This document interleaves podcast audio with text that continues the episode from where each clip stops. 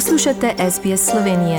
Prisluhnite še drugim zanimivim zgodbam na sbsp.com.au pošiljka Slovenije.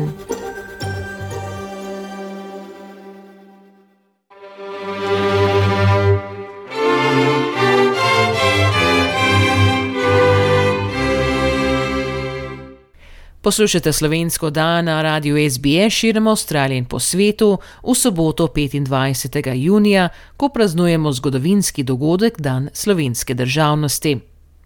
Najprej čestitke vsem ob tem pomembnem državnem prazniku. Upamo, da boste vsi lepo počestili ta dogodek in tudi nekje izobesili slovensko zastavo. V ponedeljek 20. junija je veleposlaništvo Republike Slovenije v Canberri imel sprejem v središču mesta ob dnevu državnosti in obenem tudi 30. obletnici diplomatskih odnosov med Slovenijo in Avstralijo. Prisotni so bili politiki avstralskega parlamenta, diplomati drugih držav in predstavniki slovenskih organizacij v Avstraliji. Po himni obeh držav, Slovenije in Avstralije, ki jo je zaigral vojaški orkester avstralske obrambne sile, je uradni del preslave pričel z nagovorom gostitelja prireditve slovenskega veleposlanika v Avstraliji Jurija Rifla. Veleposlanik je poudaril pomen vzpostavitve diplomatskih odnosov za krepitev odnosov med državama, zavezano Slovenije na pravilih utemeljenemu mednarodnemu redu in kandidature Slovenije za varnostni svet Združenih narodov. Last year we commemorated 30 years of our independence. This year we commemorate 30 years of diplomatic relations between Slovenia and Australia. We are grateful to Australia that it was among the first countries to recognize the will of Slovenian people to live in an independent country as early as January 1992 and soon after that, our countries established diplomatic relations. This establishment represented an institutional cornerstone for deepening and strengthening the relations between our peoples that had already existed before. One of them is definitely the story of rescuing Allied uh, prisoners of war during World War II. There's a photo that you could see. Uh, one Australian prisoner of war marching with our partisans for freedom in 1944. The most successful escape of Allied POW anywhere during World War II the other one is the fact that Australia became, uh, uh, became first a refuge and later a home to many Slovenians who left their homeland in the second half of last century. Their descendants are now proud Australians who are equally proud of their Slovenian heritage. They represent an indispensable link of friendship and everlasting ties between our two countries. And once again, uh, here I would like to uh, thank uh, the representatives of our community for all the assistance that Slovenia has achieved so far, especially in the first months of our independence, to gain a fast recognition from Australia.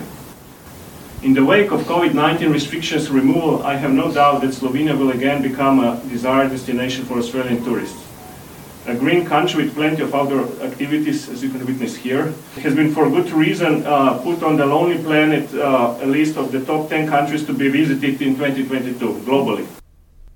Na to je v imenu zvezdne ministrice za okolje in vodo in poslanke za Sydney Tanjo Pliberšek spregovoril njen brat Ray Pliberšek. Today we celebrate 31 years of Slovenian independence. The story of June 1991 is one we're rightly proud of. At first, Slovenia tried to claim its independence peacefully. The question was put to a democratic vote. Over almost 90% of Slovenians voted to make Slovenia a sovereign nation. But then, when it was necessary, Slovenes fought for their freedom. Those 10 courageous days gave birth to the modern nation. By any measure, the Republic of Slovenia has become a great success story.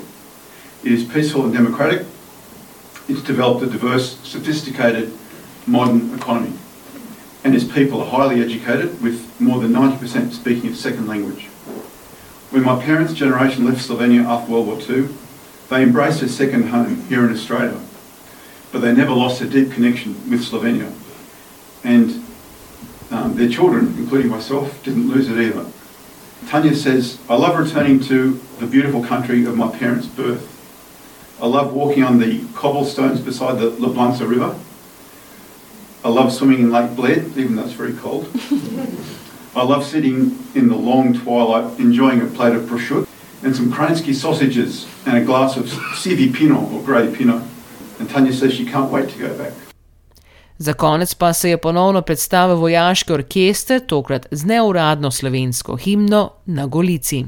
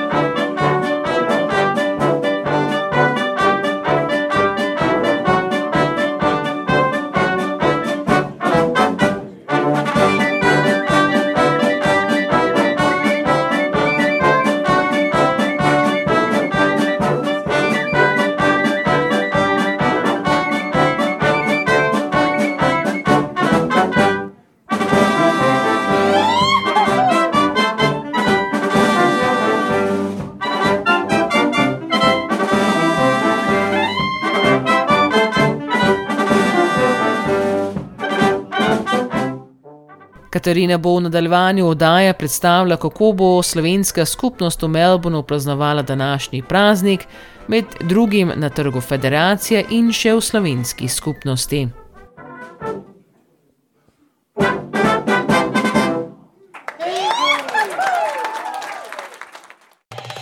Želite slišati sorodne zgodbe? Prisluhnite jim preko Apple ali Google podcasta, preko aplikacije Spotify ali kjerkoli drugje.